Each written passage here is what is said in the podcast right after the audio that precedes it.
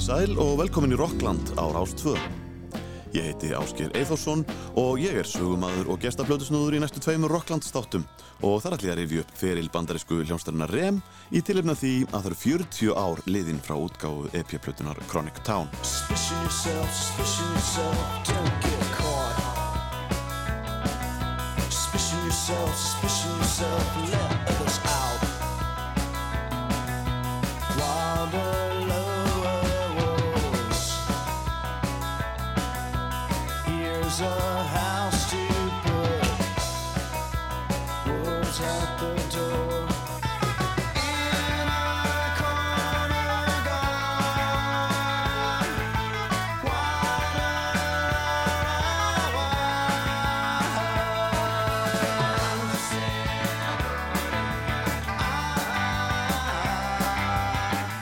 introduce the members of the This band. is Mike Mills, he's the bass player. Uh-huh. Bill Berry, the drummer. Yeah. Michael Stipe, the singer. Michael. And me, Peter Buck.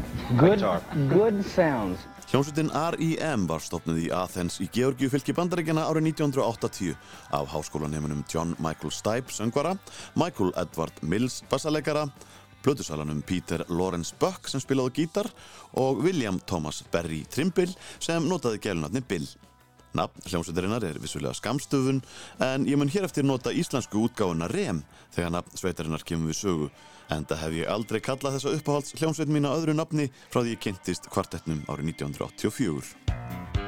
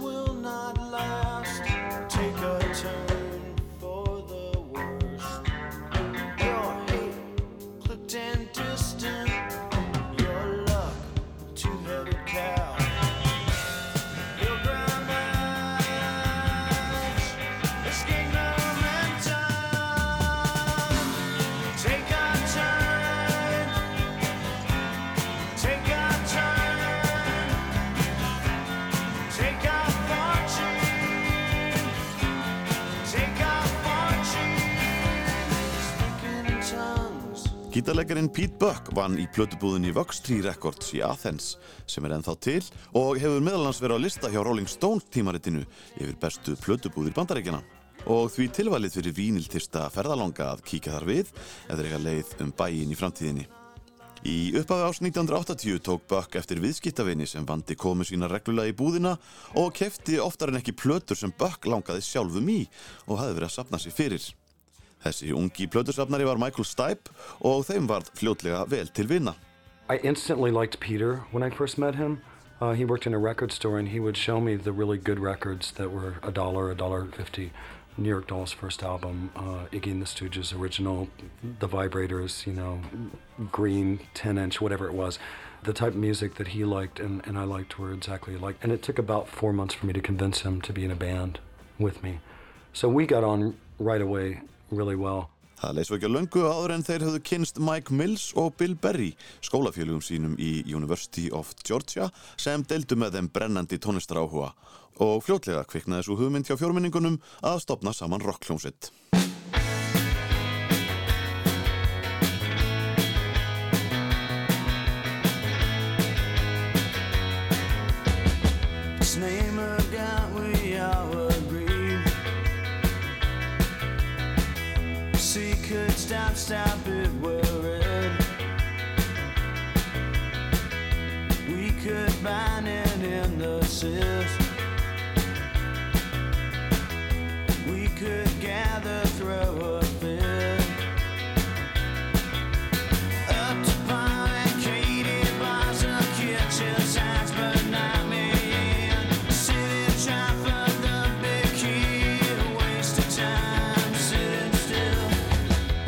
Nokkur á vikna æfingar tróð sveitin fyrst upp í amalisfestlu hjá sameinlegum vini fjórminningana í yfirgefinni kirkju í heimabænum 5. apríl 1980. Á þessum tíma var hljómsveitin nafnlaus og lagalistin samastóð aðalega af tökulögum úr ýmsum áttum. Þar á meðal var Velvet Underground perlan There She Goes Again eftir Lou Reed en hljómsveitin Velvet Underground var í miklu uppáhaldi reympilta sem voru duglegi við að túlka lög sveitarinnar á tónleikum fyrstu árin.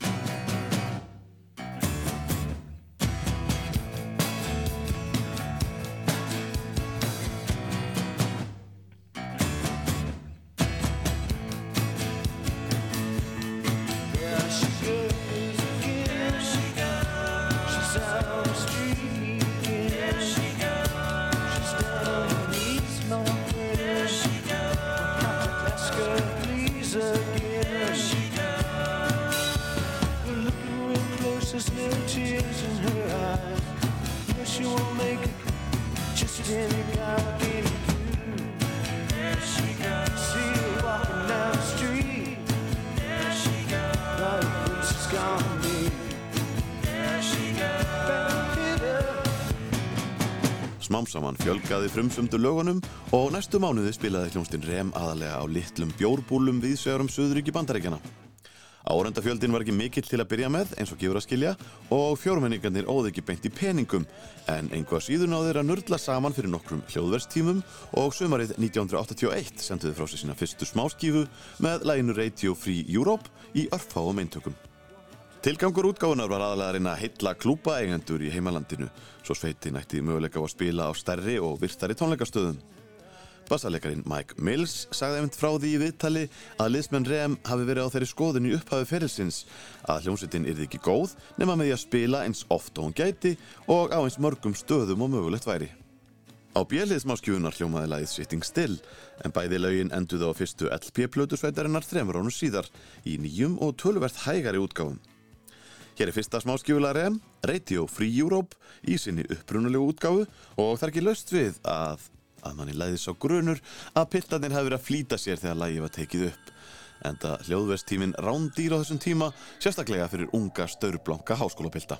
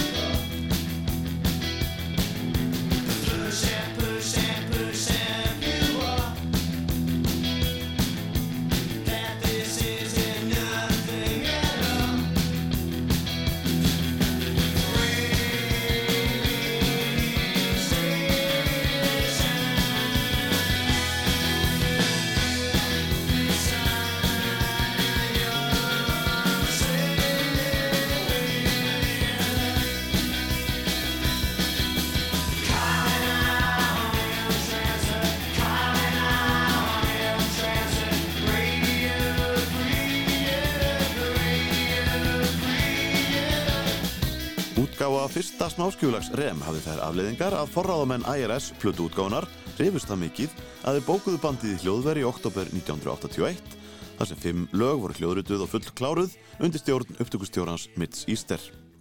EP-platan Chronic Town var svo útgefin 24. ágúst 1982 og innihelt grípandi gítarrock í tiltölulega hráum og einföldum útsetningum. Þó pönkið væri nokkuð greinilegur áhrifavaldur var hljómurinn mýgri og einnig mátti meðal hans heyra tilvísanir í bandariska þjóðlagatónlist. Lögin og blötunni vöktu aðalega aðtikli í háskóla útastöðum í bandaríkjunum sem gaf góð fyrirheit og hægt og rólega spurðist út að hljómsveitin REM væri eitthvað sem menn ætti að fylgjast með í framtíðinni. Hér dunda fjórmenningandi sér við garðirkjustörf á síðkvöldi. Gardening at night.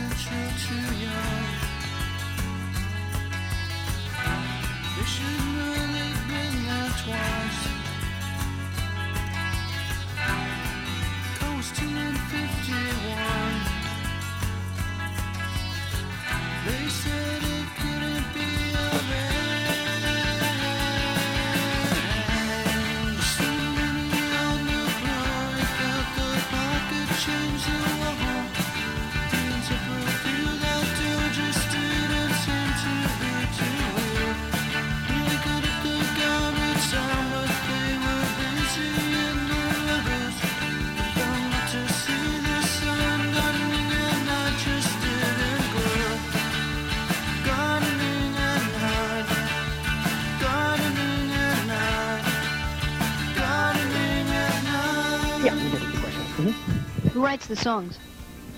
We write them all together. It's a group composition thing. We just sit around and make noise until something comes up that's entertaining. Gítarleikarinn Pete Buck svaraði hérna spurningu frá áhorfanda í sal í sjónvastættinum Livewire árið 1983. Fyrsta plata Rem í fullri lengd var hljóðrituð í byrjun ás 1983 og útgefin 12. apríl. Þessi fyrsta breyðskífa kvartettsins er 12 laga og heitir Mörmör og þar er að finna fjölbreytt lög þar sem rauði þráðurinn er einstaklega grípandi laglínur.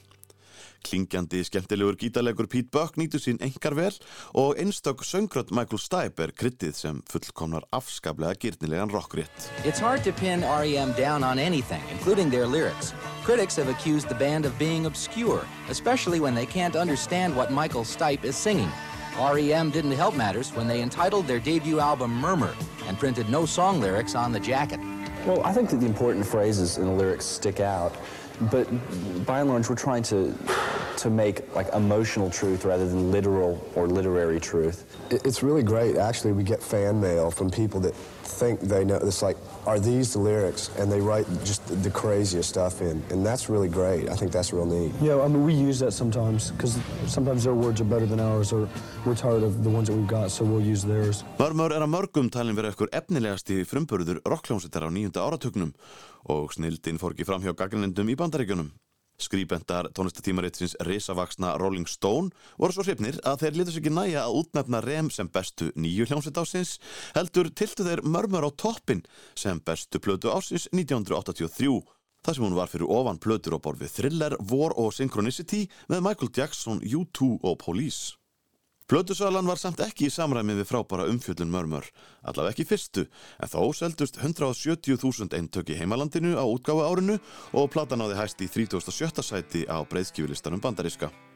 Fyrsta smáskjúla plötunar var ný útgáfa af Radio Free Europe en lagið undurljúa Talk About the Passion kom út á smáskífu undir lokás 1983.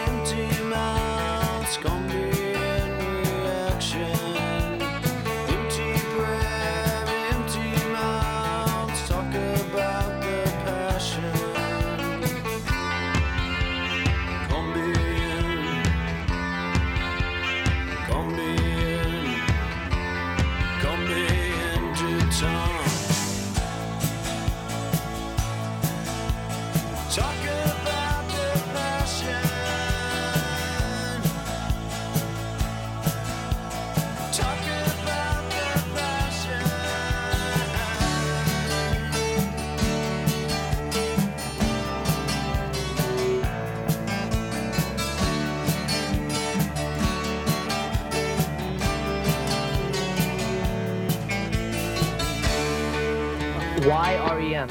We wanted a name that, that wouldn't put us in any particular category musically. And at the time when we got together four years ago, um, bands pretty much didn't have names that were just letters.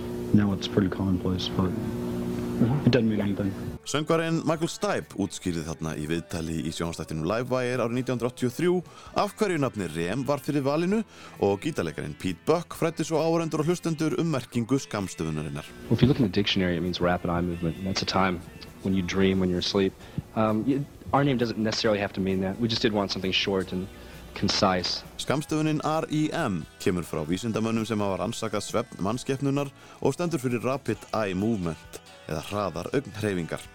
Á vísindavef Háskóla Íslands segir að það slakni á vöðunum í REM-svefni, öndurinn verður dýpri og hraðari og að auki einkennis REM-svefnin að þessum hröðu augnhreyfingum sem svefnin dregur nafn sitt af. Okkur dreymir aðalega í REM-svefni og ef við vöknum rétt eftir REM-svefn þá munum við yfirleitt hvað okkur var að dreyma.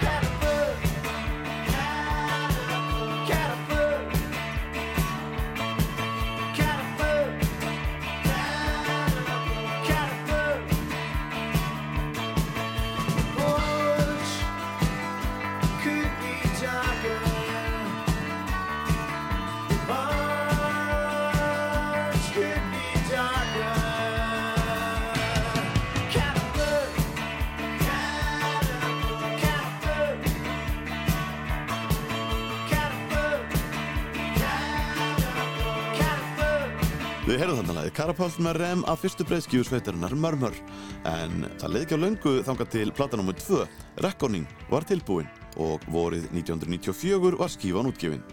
Upptökustjórar voru eins á Mörmör þeir Don Dixon og Mitch Easter og gæðin voru síst minni en á fyrirplutunni. Hér er eitt af betri lögum Reckoning, South Central Rain.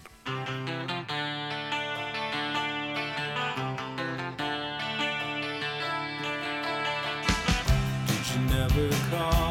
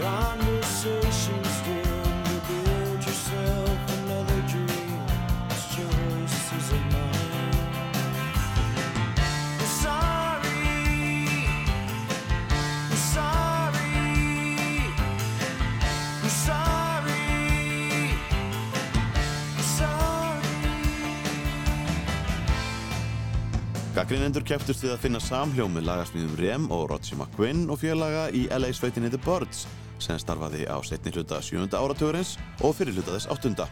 Svo samlíking var reyndar oft á tíðum ansi langsótt þó vissulega mætti greina áhrif frá The Birds, Velvet Underground og öðrum snillingum 7. áratugurins í tónlist Rem var hér fyrst og fremst um að ræða frumlega tónlistasköpun frá hljómsveit sem fór sínar eigin leiðir og það var eitthvað í tónlist Rem sem skapaði alveg nýja og heillandi stemmingu í senn dreymandi og duðlúlega en einhvað síður grípandi og skemmtilega.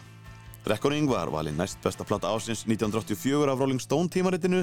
Platan inniheldur lögaborðið South Central Rain sem við heyrðum áðan, Pretty Persuasion og Don't Go Back to Rockville.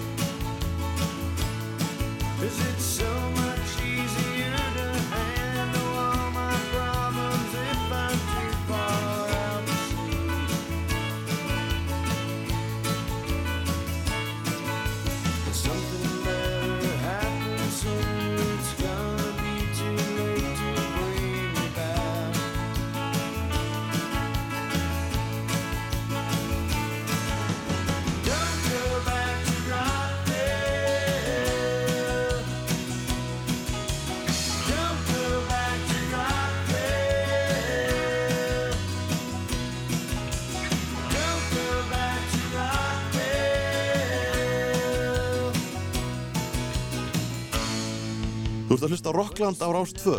Ég heiti Ásker Eithorsson og við erum að rifja feril bandarísku hljómsdurina REM í tilhefna því að það eru 40 ár liðin frá útgáfu EP-plutunar Chronic Town.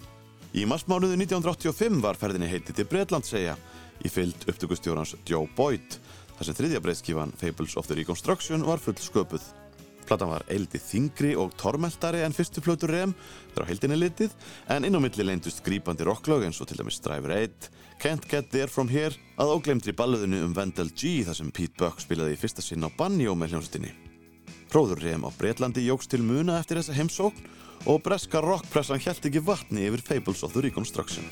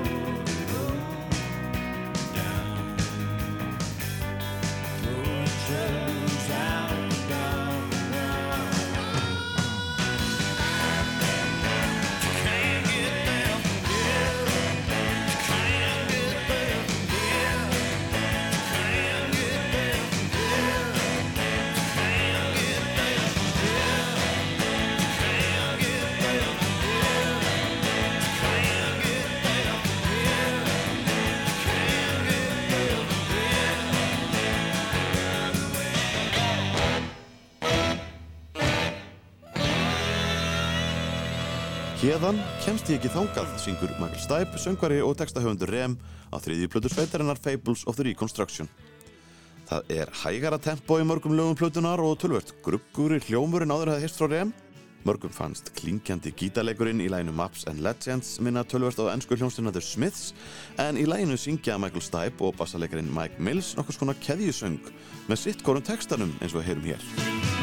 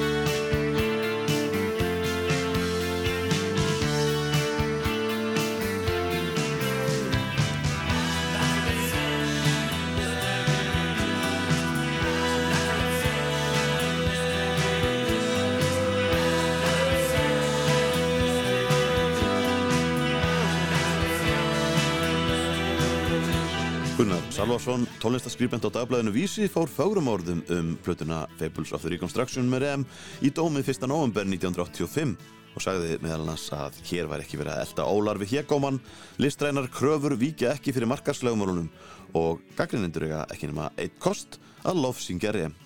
Plata lendi í áttundasæti á lista DFF yfir bestu plötur ásins 1985 og tvö af uppvarslögum Gunnars á plötunni á þessum tíma voru Can't Get There From Here sem við heyrðum áðan og lagi sem er byrjað að hljóma hérna undir mér Driver 8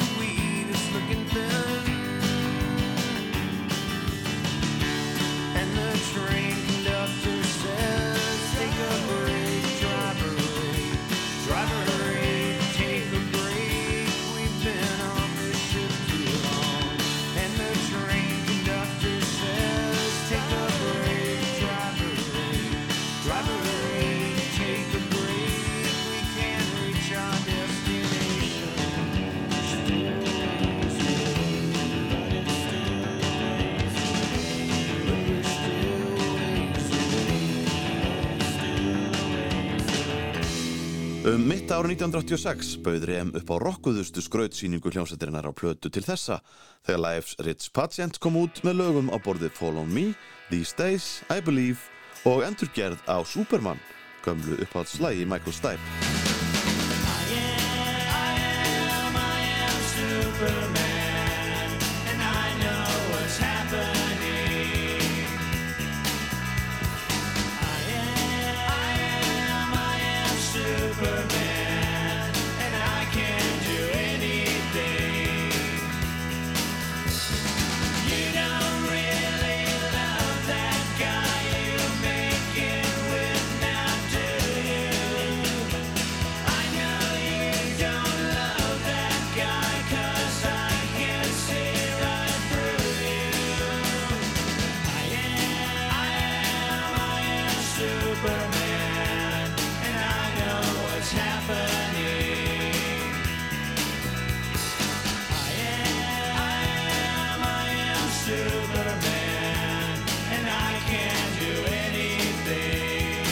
Superman í tólkun Rem á plötunni Life's Rich Patient árið 1986 en lægið kom uppalega út árið 1969 með bandarísku hljómslinni The Clique eða Klíkunni. Nafnið á plötunni Life's Rich Patient fenguðu fjórmenningarnar að láni úr gamalli Pink Panther bíómynd. Eða Blakey Partusin eins og hann var kallaður hér á landi en þetta er hluti af setningu sem inspektor Jacques Clouseau og sem leikin var að Peter Selles let frá sér fara. Á þessum tímapunkti var orðið ljóst að Rem var orðið leiðandi afl í skapandi rocktónlist í bandaríkjunum og efnileg rockbönd sem var að fórstu spennandi hluti spruttuð upp vísvegarum Ameríku, lístu yfir aðdáðun sín á sveitinni og þökkuðu Rem kærlega fyrir innblásturinn sem þeir höfðu veitt með tónlist sinni.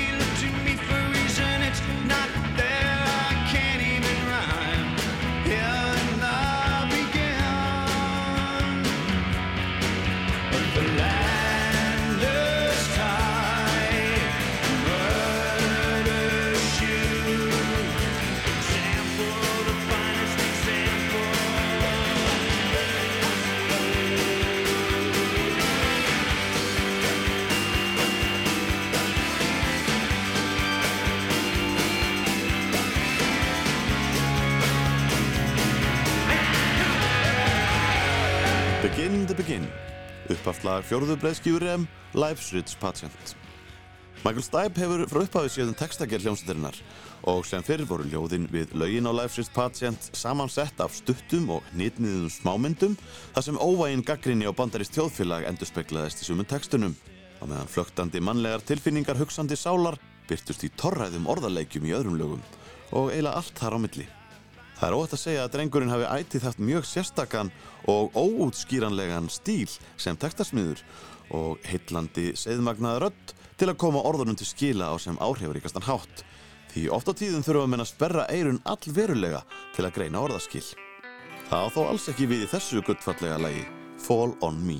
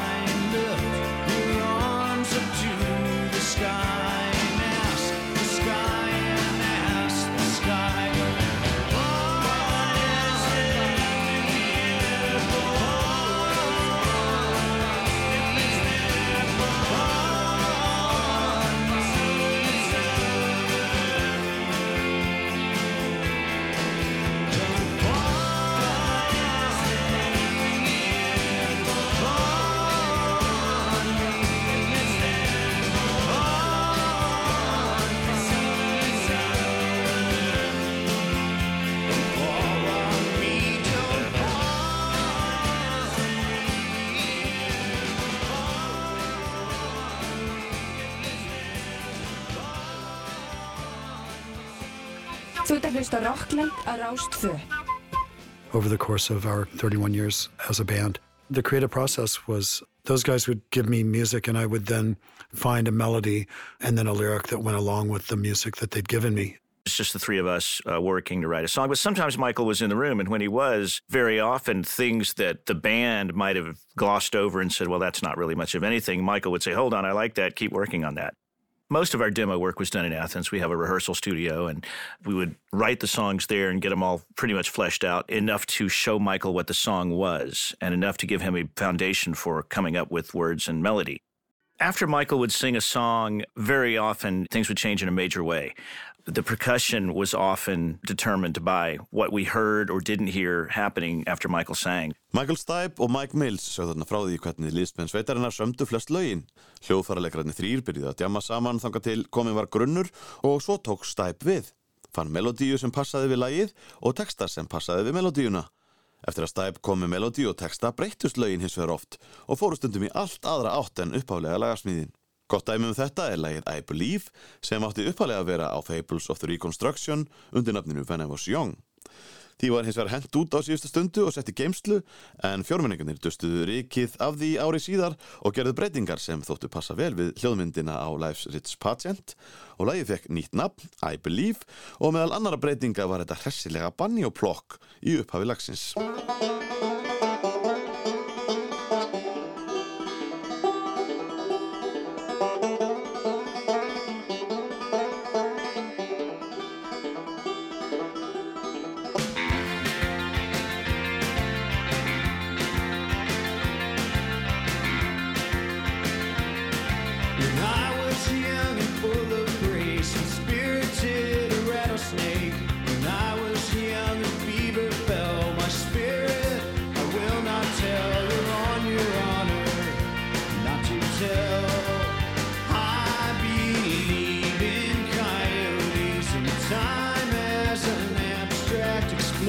Change, the difference between what you want and what you need.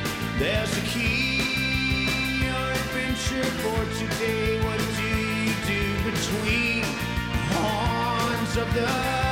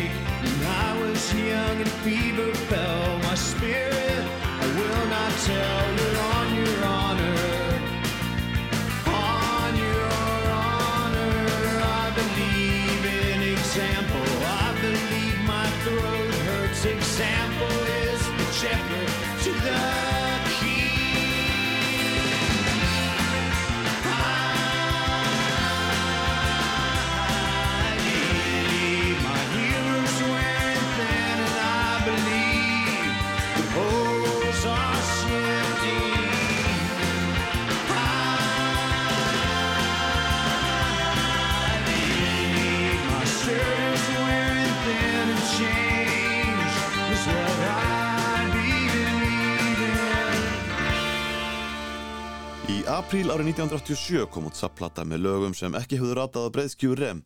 Þetta voru aðalega bjelliðalög sem höfðu prýtt bakliðar á smáskjúum rem undanfærin ár, bæði frumsamin lög sem ekki á pláss fyrir á breiðskjúunum, en líka coverlög úr smiðju Velvet Underground, Aerosmith, Roger Miller og fleiri í tólkun rem. Þar á meðal lög sem sveitin hafði spilað á tónleikum frá fyrsta degi. Inn á milli leindu svo perlur sem erfitt er að skilja okkur voru ekki notaðar fyrr. Þar meðal er lægið frábæra Ages of You sem var á bjellið smáskjöfunar með aðalæginu Vandal G af Fables of the Reconstruction. Ages of You átti uppalega að vera á fyrstu epjaplötunni Chronic Town en veg fyrir læginu Wolves Lower.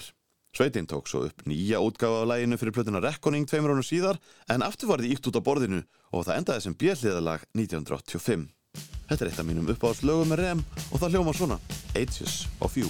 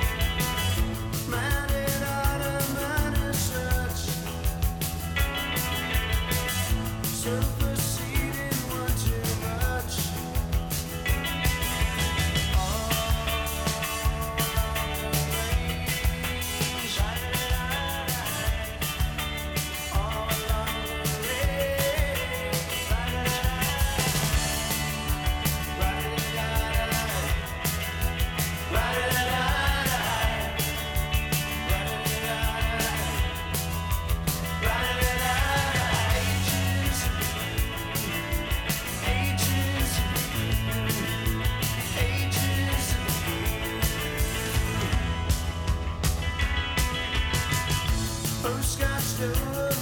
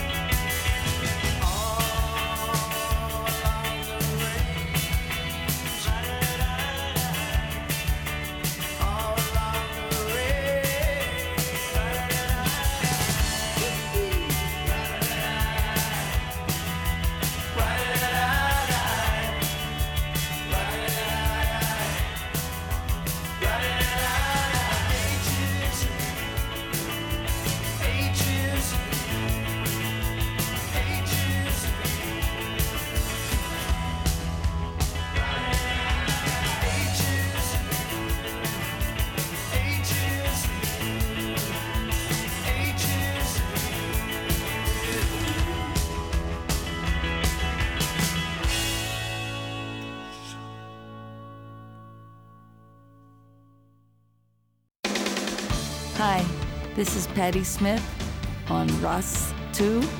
I'm in Iceland. I want to say hello to everyone and remind everyone that people have the power.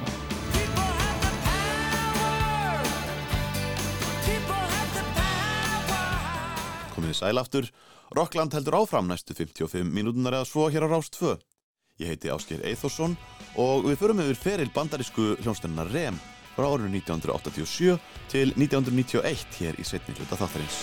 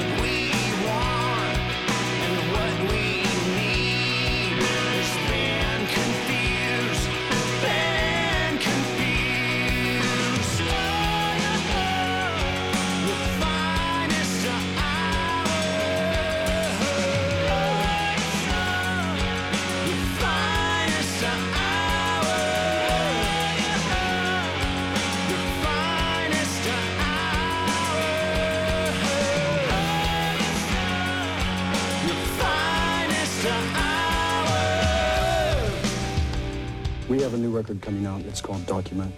I like using film. I'm very visually oriented, and so, you know, to me, especially this album, the reason it's called Document is it's kind of a shortening of the word documentary, which is a reference to film.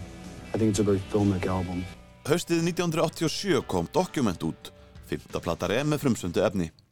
Það var haldið áfram að rocka á Document eins og heyram á í lögum eins og uppáfslögum plötunar Finest Work Song sem við heyrðum áðan að óglemdu læginu frábæra It's the end of the world as we know it and I feel fine.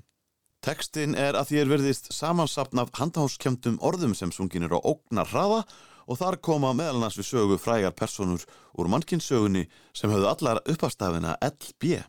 Michael Stipe saði frá því í viðtali að hann hefði dreymt að hann hefur í partíi með Leonard Bernstein, Leonid Brezhnev, Lenny Bruce, Lester Bangs og fleirum og hann ég alveg tilvalið að leifa þeim að vera með í læginu.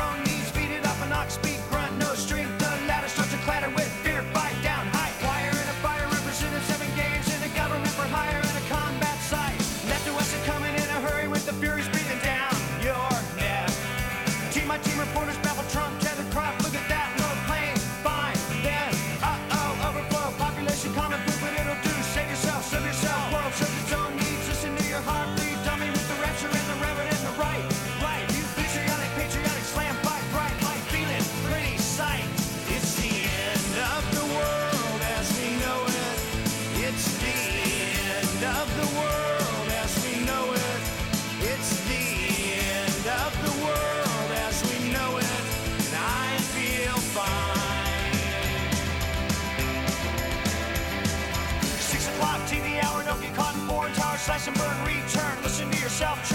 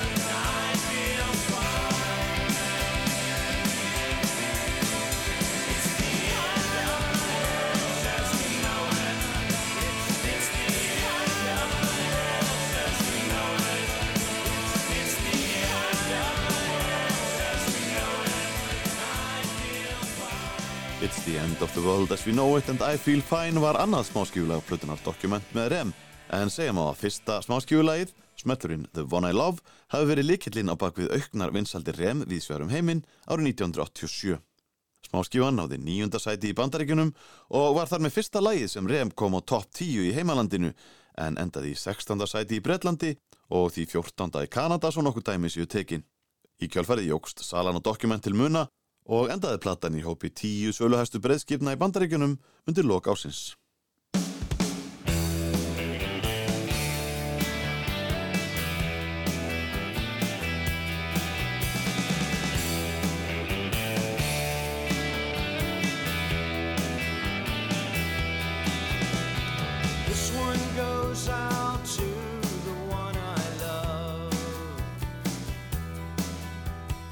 This one goes out.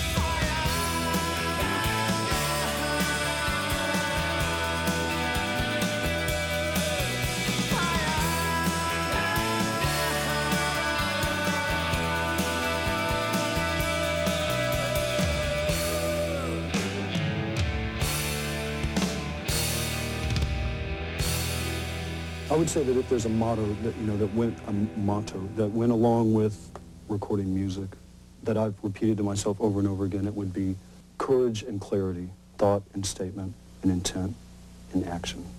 Eldur er áberandi í textunum á dokument. Glöggir aðdáundur tóku eftir því að í kílinum á umslægi vínilplötunar stendur File Under Fire og orðið Fire hljómar í minnstakosti 5 af lögum plötunar. The One I Love,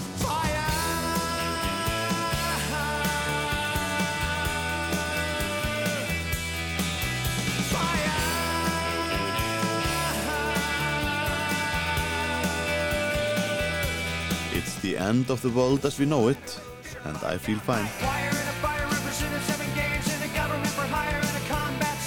Fireplace.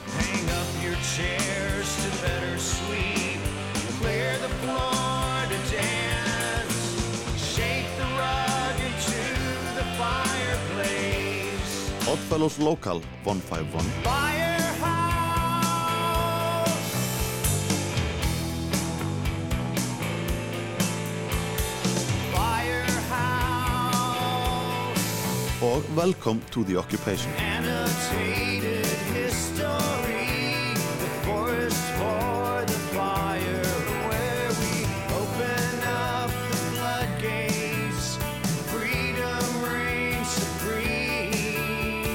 Fire on the hemisphere. Below.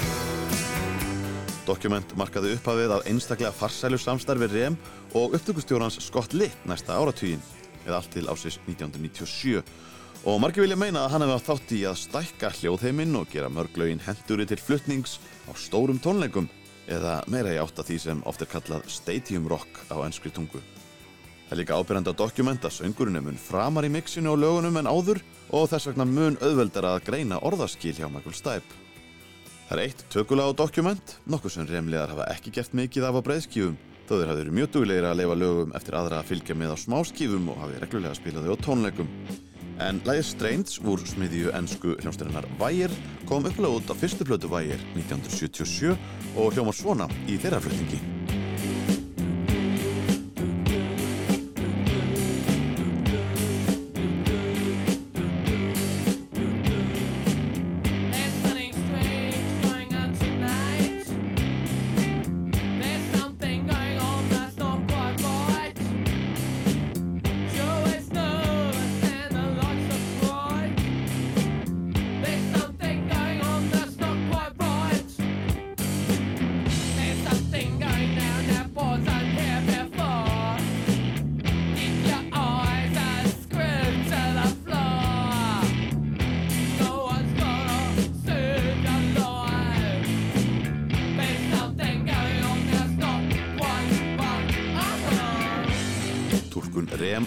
Er hins vegar tvölvert breytt og óhætt að segja að Stipe, Buck, Berry og Mills hafi gert lagið að sínu.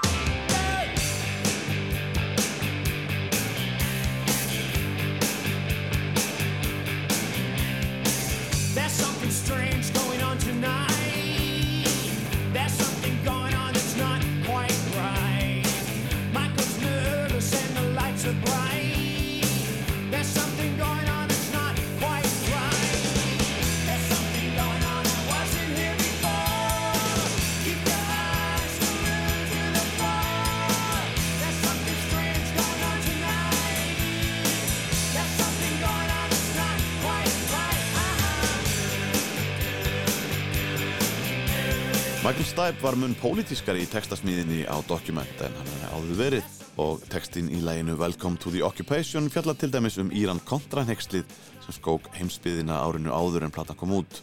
Þegar bandarækjumenn voru staðnir að því að selja vopn til Íran í stjórnartíð Rónalds Reykján á sama tíma og það ríkti vopnasölubann til Írana sem börðist við Íraka um áhrif á passaflóðsvæðinu bróðurpart nýjunda áratöksins.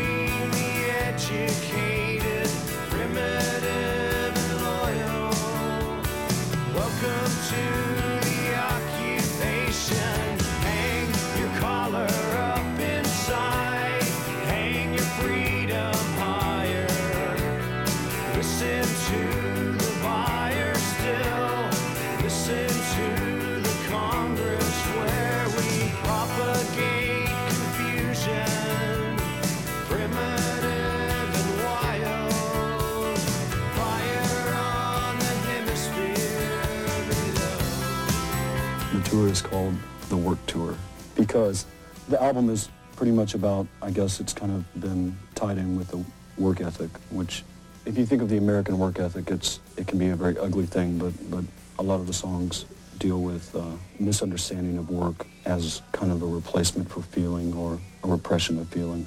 So this is kind of a rebuttal to that, alteration on it. Þú ert að hlusta Rockland á Rást Stand in the place where you live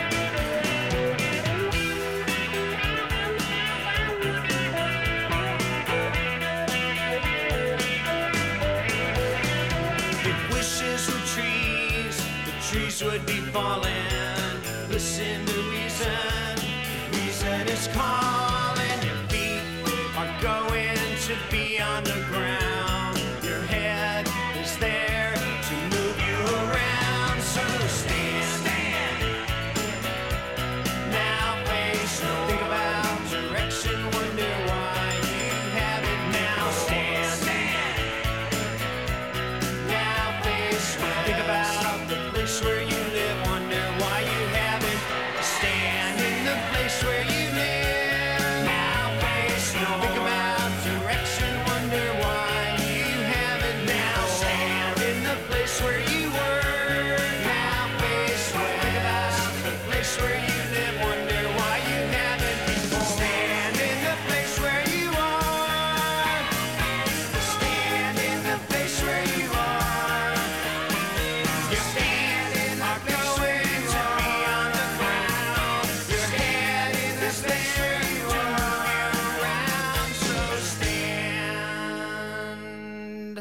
það fréttist haustið 1988 að vonu vera nýri plötu frá Rem setna um veturinn, fylltust öll helstu tónlistatímaritt heims af greinum um hljómsveitina og spenningurinn var mikill.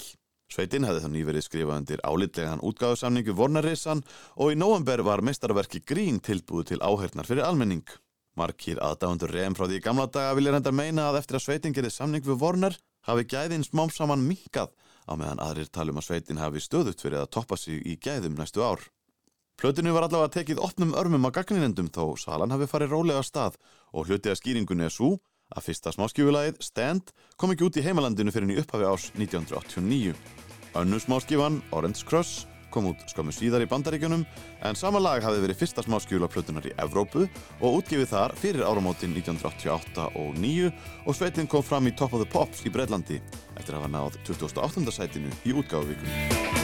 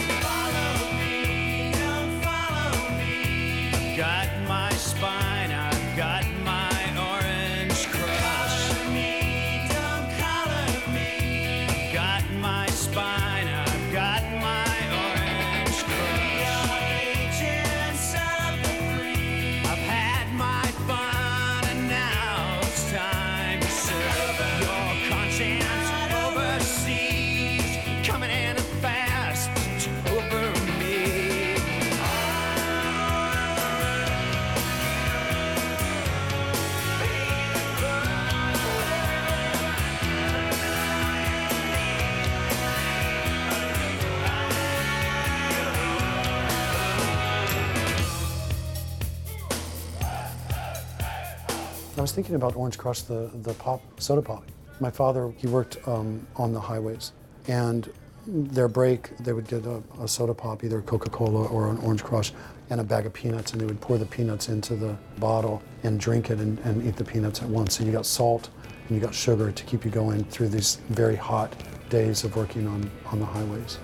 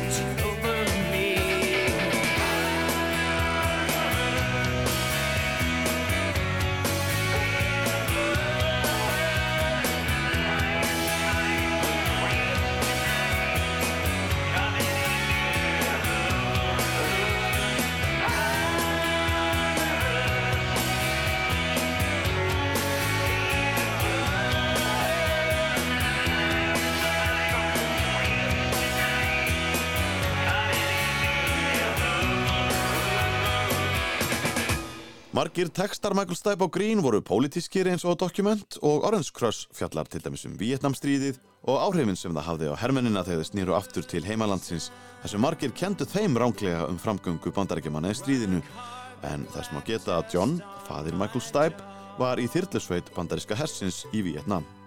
Salan á breyðskífunni jógst jaft og þjætt árið 1989 á meðan Rem tók heiminn með trompi á hreint útsatt magnari tónleikaferð sem hrein önun er að rifja upp með hjálp eh, tónleikamyndarinnar Túrfilm sem Michael Stipe notar gjallarhorn mjög eftirminnilega í nokkrum lögum. I can swing my megaphone and long arm the rest. It's easier and better to just beat it from the chest. Önnur smáskjúla plötuna Green eru Pop Song 89 og Get Up en meðal annara frábæra laga eru World Leader Pretend, Turn You Inside Out og mandolínlagið fallega You Are The Everything en Pete Buck tók ástfóstri við mandolínið þessari plötu og kvíldi gítarinn í nokkrum lögum. Sometimes I feel like I can't even sing. I'm very scared for this world. I'm very scared for me. Eviscerate your memory. Here's a scene. In the backseat, laying down. The windows wrap around to the sound of the travel and the engine. All you hear is time stand still in travel. Feel such peace and absolute stillness still that doesn't end but slowly drifts into sleep. The stars are the greatest thing you've ever seen, and they're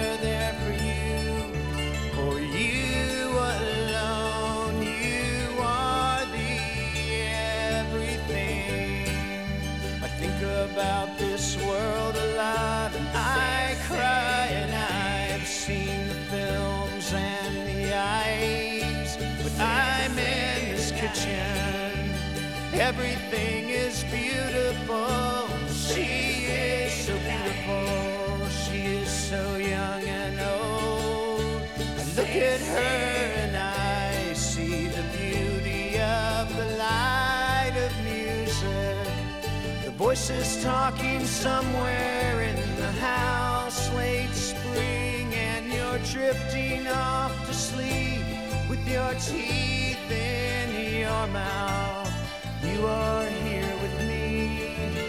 You are here with me. You have been here, and you are everything.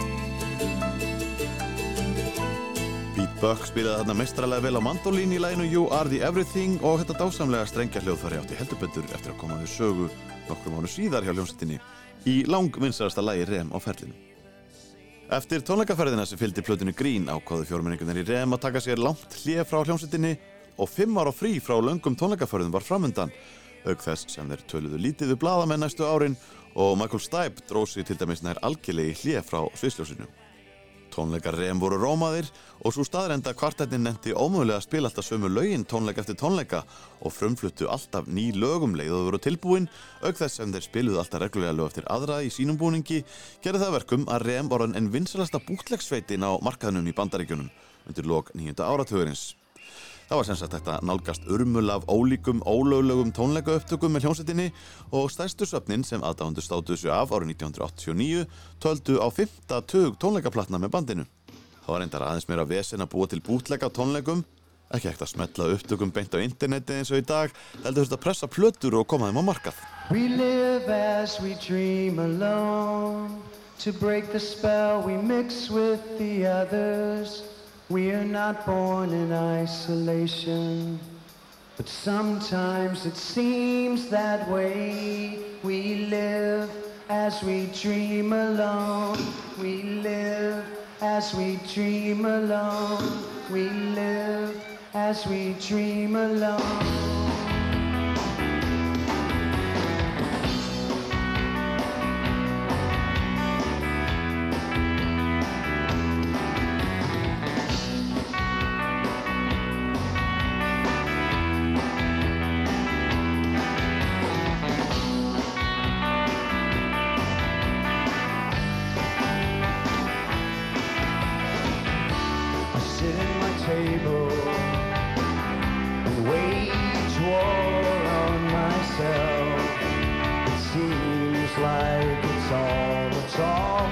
I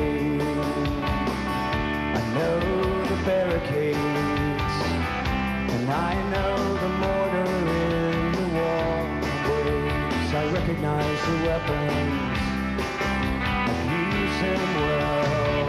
It's amazing what devices you can sympathize. This is my mistake. Let me make it good. I raise a wall, and I will be the one to knock it down. Þetta er tónleika upptaka af læginu World Leader Pretend tekið af bootleg-plötu sem var gefin út eftir grín tónleikaferðina. Þó Rem hafi orðið geysi vinsælt rockband á alþjóðlegan mæli kvarða eftir tónleikaferðina sem fylgdi í kjálfar grín þá var það ekkert á þær ótrúlegu vinsældir sem fylgdu fyrstu smáskífunni af sjööndu hljóðurspötu kvartettsins. Peter wrote it on mandolin, brought it into rehearsal one day and showed us how it went. And uh, the beauty of Peter's melody, I had to come up with something that, that anchored it and gave it enough solid bottom uh, that had to have a little bit of melody in it but could not be too busy. It had to be very simple and very low endy. I think I thought I saw you try.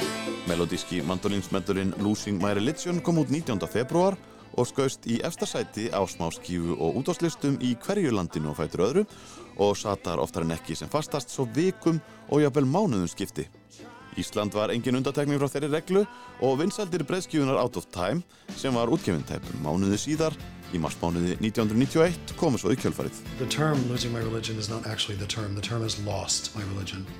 And it's an old Southern term that means that something has challenged your faith to such a degree that you might lose your religion.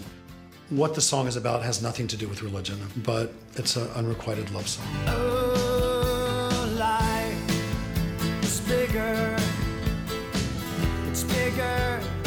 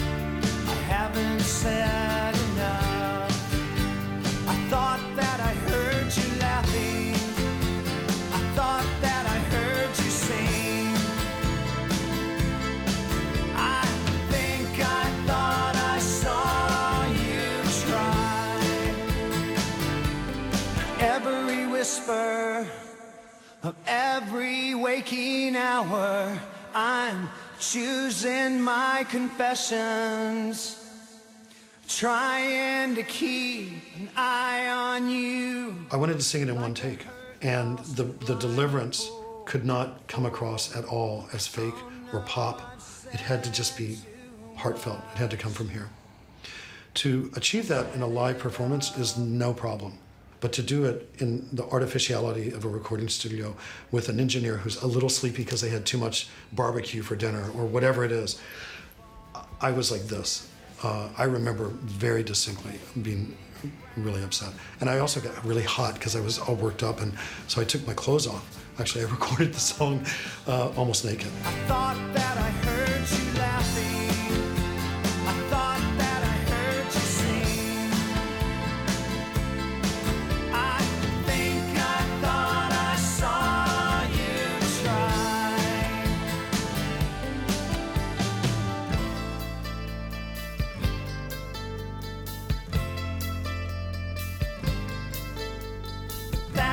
Was just a dream. That was just a dream. That's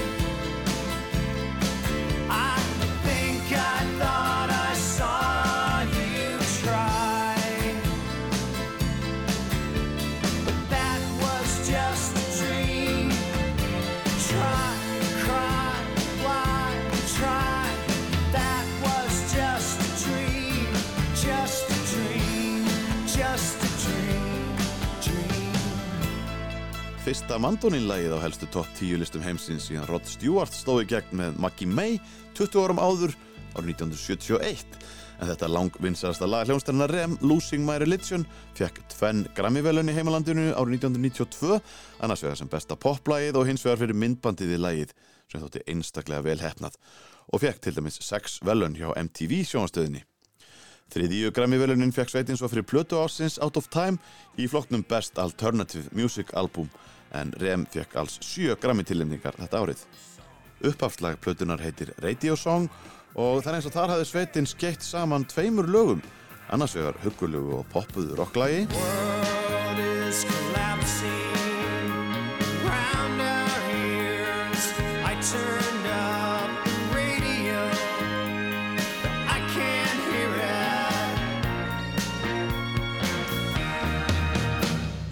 og hins vegar fölguðum ópusa sem rapparinn KRS-One leggur til línur sem mörgum aðdándum Rem fannst alls ekki passa við hljóðheim sveitarinnar. Hey, hey, hey, hey.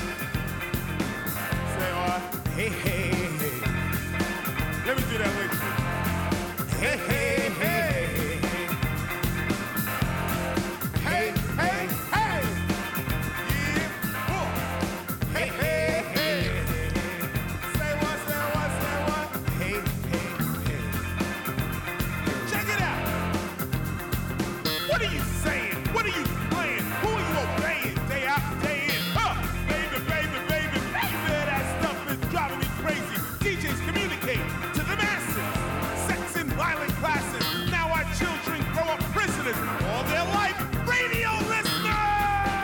Á plötunni Out of Time er enga síður fjölbreytt blanda af poppuðum og fjörugum rocklögum eins og Near Wild Heaven, Shiny Happy People og Losing My Religion slattið af lögum sem gamlum aðdándu sveitarinnar fannst furðuleg og skrítin en líka fullt af huggulegum rólindi stefjum eins og Low, Endgame, Country Feedback og Half a World Away. This could be the saddest dusk you've ever seen. Turn to a miracle. I lied. My mind is racing. As it always will. My hands tired, my heart aches. I'm half a world away. Here, my head sworn to go it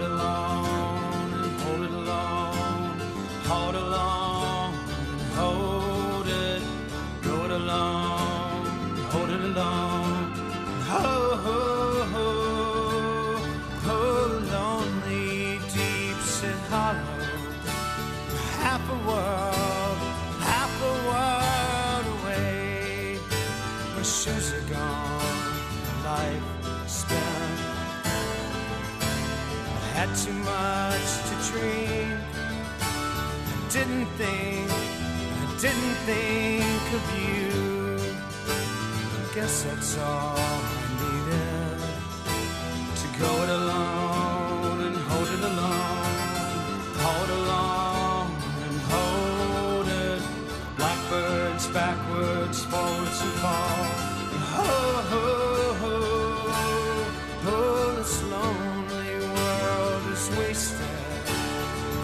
Pathetic eyes, highlight, blind tides turn. The storm it came up strong, it shook the trees and blew away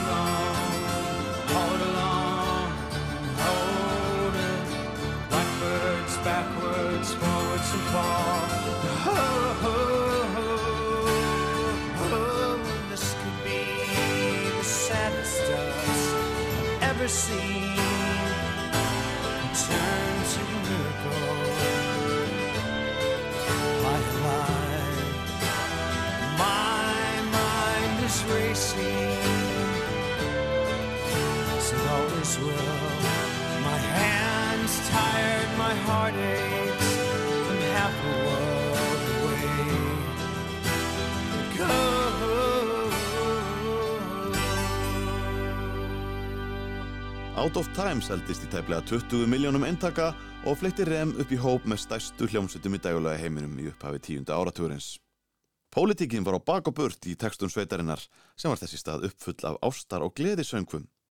Platan settist á topp breiðskjúlista viðsjöðar um heiminn, til dæmis í bandaríkjunum Kanada, Breitlandi, Fraklandi, Ástralíu og hér á Íslandi.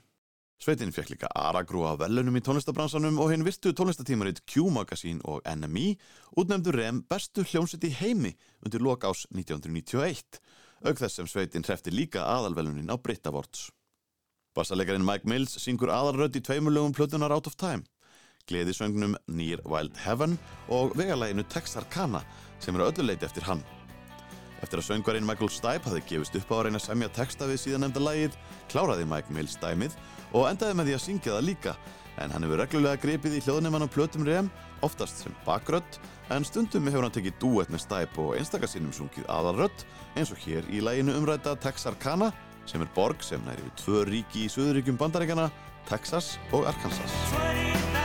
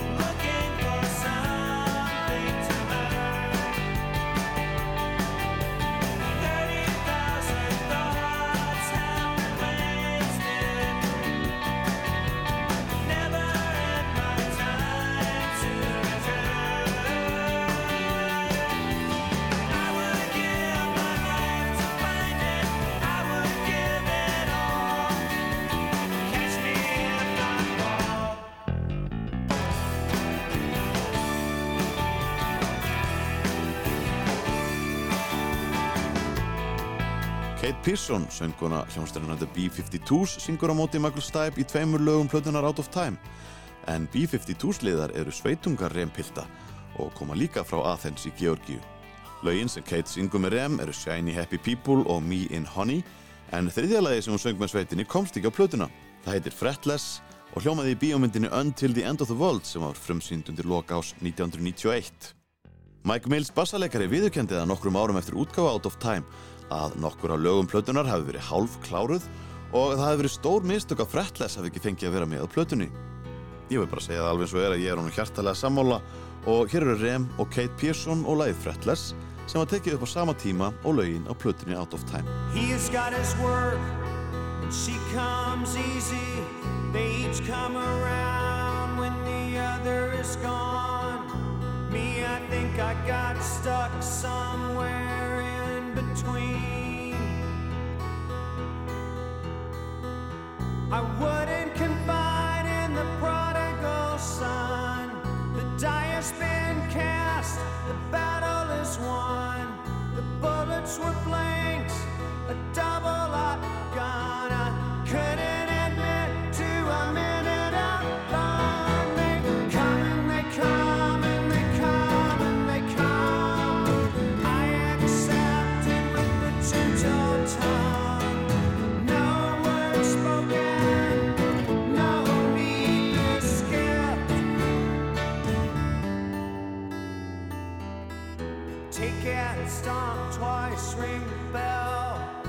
tether that ring and praise. Enough with the rifle and talk already. We all know what it means. Take this conversation to your great divide. I can only swallow what I ate, and I don't hate him, and I don't.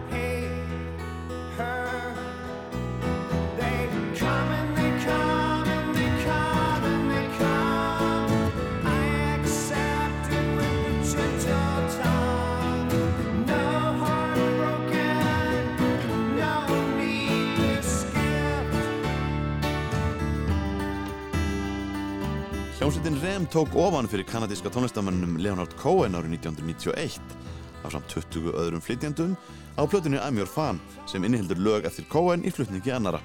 Uppafslag plötunar er First We Take Manhattan í skemmtilegri tólkun Rem-pilta en lægi samti Cohen uppalega fyrir Jennifer Vons sem söng það á plötunni Famous Blue Raincoat árið 1987 og Leonard Cohen tók svo sjálfur á plötunni I'm Your Man árið 1988. They sentenced me to 20 years of boredom trying to change the system